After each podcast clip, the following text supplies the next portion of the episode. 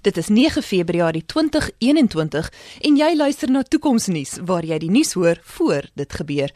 Ek is Jonita Foster en hier volg vandag se hoofberig.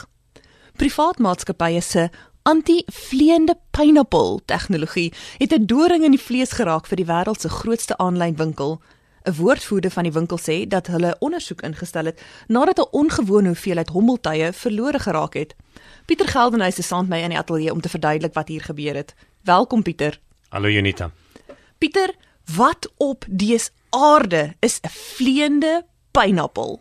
Junita, kom ons kyk eers na wat 'n pineappel is en en in die wêreld van die kuberkrakers is 'n pineappel 'n stukkie toerusting wat jy kan kry om na die koordlose internet te luister. Nou baie gebruikers sit binne in 'n koffiewinkel en dan koppel hulle op van hulle fone na die lokale Wi-Fi hotspot of die koordlose internet en hulle besef nie dat al hulle kommunikasie eintlik opgespoor en na geluister kan word. En een van die tipe toerusting wat jy kan gebruik word die Pineapple genoem. Nou daar's twee produkte op die mark, die Pineapple Nano en die Pineapple Tetra.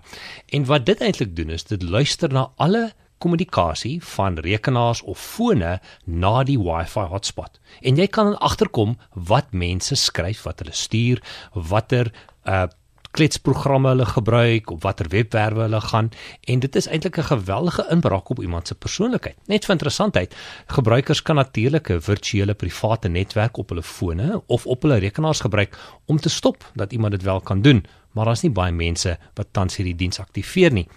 As ons nou na die vleiende pineappel gaan kyk, sien ons dat 'n hele klomp kuberkrakers hierdie pineappel op 'n hommeltuig gemonteer het en dan hierdie hommeltuig op die dak van maatskappye laat land. En hulle gee dan hierdie hommeltuig dieselfde naam as die Wi-Fi hotspot of die koordlose internet van die maatskappy. Hier kom 'n gebruiker. Hy skakel in op sy Wi-Fi by die werk en hy sien dat daar vandag twee Wi-Fi name is wat presies dieselfde is. Hy klik op die een en dit sê tik asseblief die sleutelwoord in. En wat hierdie hommeltuig dan doen, hy registreer die sleutelwoord van die Wi-Fi hotspot dan koppel hy in op die netwerk van die maatskappy en dit vat jou dan na die normale skerm toe waar jy dan jou wagwoord en jou, jou sleutelwoord en jou gebruikersnaam intik wat die hommeltuig dan ook registreer. En wat dit dan beteken is dat die kuberkrakers nie net toegang kry tot die Wi-Fi hotspots van 'n maatskappy nie, maar ook die gebruikersnaam en die sleutelwoorde van hulle gebruikers. En dus om seker te maak dat hierdie hommeltuie nie op die dakke van hierdie maatskappy kom land nie, het 'n hele paar maatskappye besluit genoeg hiermee, hulle gaan enige hommeltuie afskiet wat naby aan hulle kantore kom. En daar's 'n hele paar maatskappye wat nou in die mark ingetree het en wat hierdie tegnologie dan doen is om seker te maak dat hommeltuie nie so groot probleem is in die toekoms nie.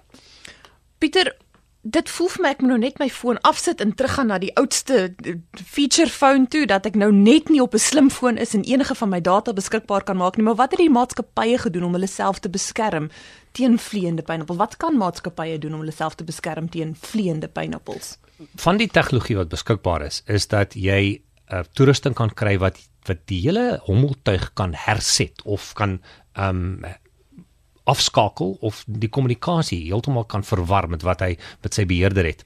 En dit beteken dat as 'n hommeltuig naby die gebou kom, word hy eenvoudig afgeskiet. En dit is wat maatskappye dus gebruik om seker te maak dat daar hommeltuie wat inluister op hulle kommunikasie nie rondvlieg of land op kritieke plekke op 'n maatskappy nie. En hoekom word daar soveel hommeltuie afgeskiet?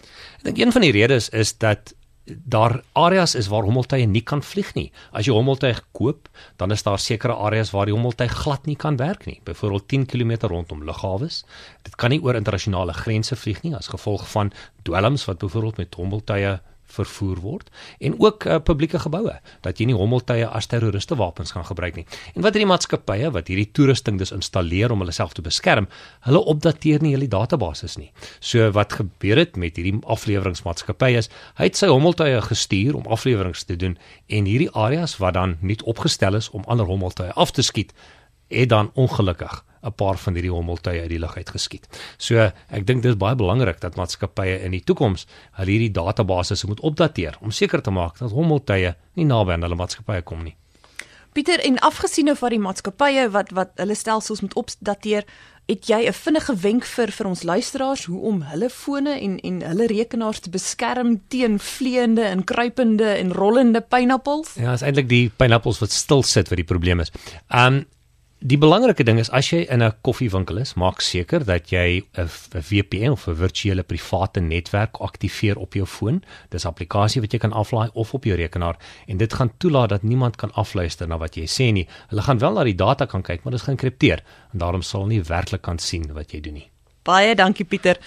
Die aanlyn winkel het 'n beroep gedoen op maatskappye wat die toerusting installeer om hulle geen vliegzones op te dateer sodat geen afleweringshommeltuie per ongeluk afgeskiet kan word nie. Die installeer sal van nou af verantwoordelik gehou word vir enige skade aan onskuldige hommeltuie. Dit was Pieter Geldenhuys en Jonita Foster vir Toekomsnuus, waar ons die moontlikhede van die toekoms ondersoek.